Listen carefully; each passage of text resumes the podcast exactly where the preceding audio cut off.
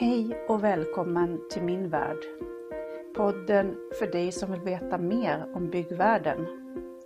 Här kommer jag dela med mig av mina erfarenheter, vad du behöver veta om du ska bygga nytt eller renovera ditt hus. Välkommen till Fråga Byggkonsulten. Mitt namn är Eva Karlsson.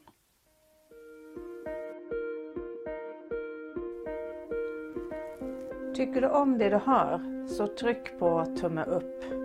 Följ min podd så att du inte missar nästa avsnitt och dela gärna så att fler får ta del av min kunskap. Det här avsnittet handlar om översikt över byggprocessen. Det är kommunen som ansvarar för att planlägga mark och vatten i kommunens område. Och det är bara kommunen som har befogenhet att anta planer och bestämma om planläggning ska göras eller inte. Översiktsplanen täcker hela kommunens yta och ska hållas aktuell. Den visar i grova drag hur kommunen vill att stad och land ska utvecklas, vilka områden som bedöms vara lämpliga för ny bebyggelse och var det inte bör byggas av olika skäl. Översiktsplanen vägleder detaljplaneringen och bygglov, men den är inte bindande. Staden är uppdelad i flera detaljplaner. Några helt nya och några är väldigt gamla. En detaljplan tas ju fram första gången ett område byggs. Och staden förändras och då måste man även förändra en del detaljplaner. Även orter och byar på landet kan ha detaljplaner eller områdesbestämmelser.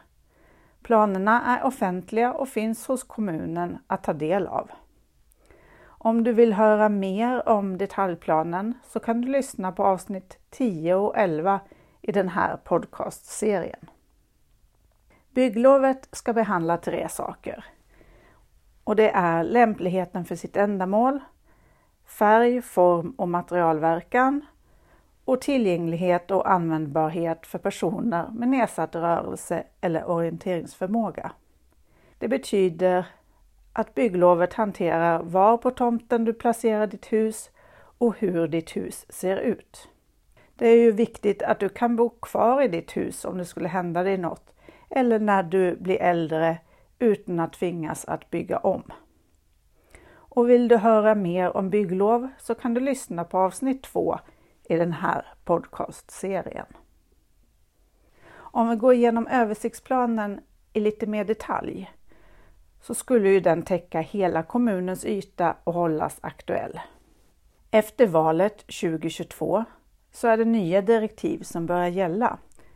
Och det är att senast två år efter ett ordinarie val ska kommunen ha tagit fram en planeringsstrategi för hur arbetet med översiktsplanen ska se ut framöver och hur aktuell befintlig översiktsplan är.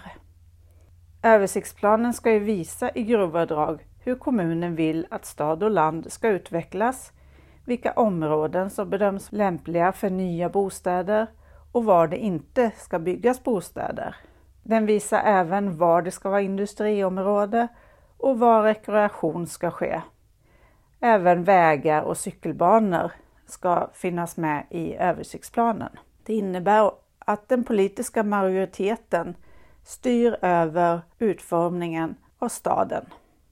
När man upprättar eller ändrar översiktsplanen så ska kommunen samråda med Länsstyrelsen och regionala organ och även med grannkommunerna.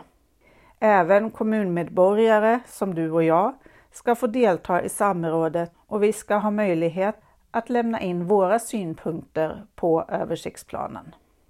Översiktsplanen vägleder ju detaljplanen och bygglovet, men den är inte bindande. Den ger inga rättigheter eller skyldigheter till någon part och den går därför inte att överklaga.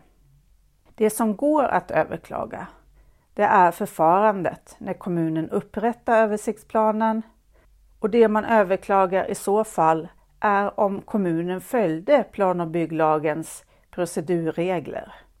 Det här överklagandet görs till förvaltningsrätten genom laglighetsprövning enligt kommunallagen. Du har nu hört det femtonde avsnittet av min podcastserie och den har blivit väldigt populär och det är så himla kul. Så nu har jag bestämt mig för att samla all den här informationen och lägga till lite extra bonus och lansera en kurs som kommer beröra byggprocessen. Så kika i mina sociala medier för jag lanserar den väldigt snart. Om du har några frågor om det här avsnittet eller frågor på tidigare avsnitt i min podcastserie så gå till www.frågabyggkonsulten.se och ställ din fråga där. Så välkommen igen till Fråga Byggkonsulten. Och mitt namn är Eva Karlsson.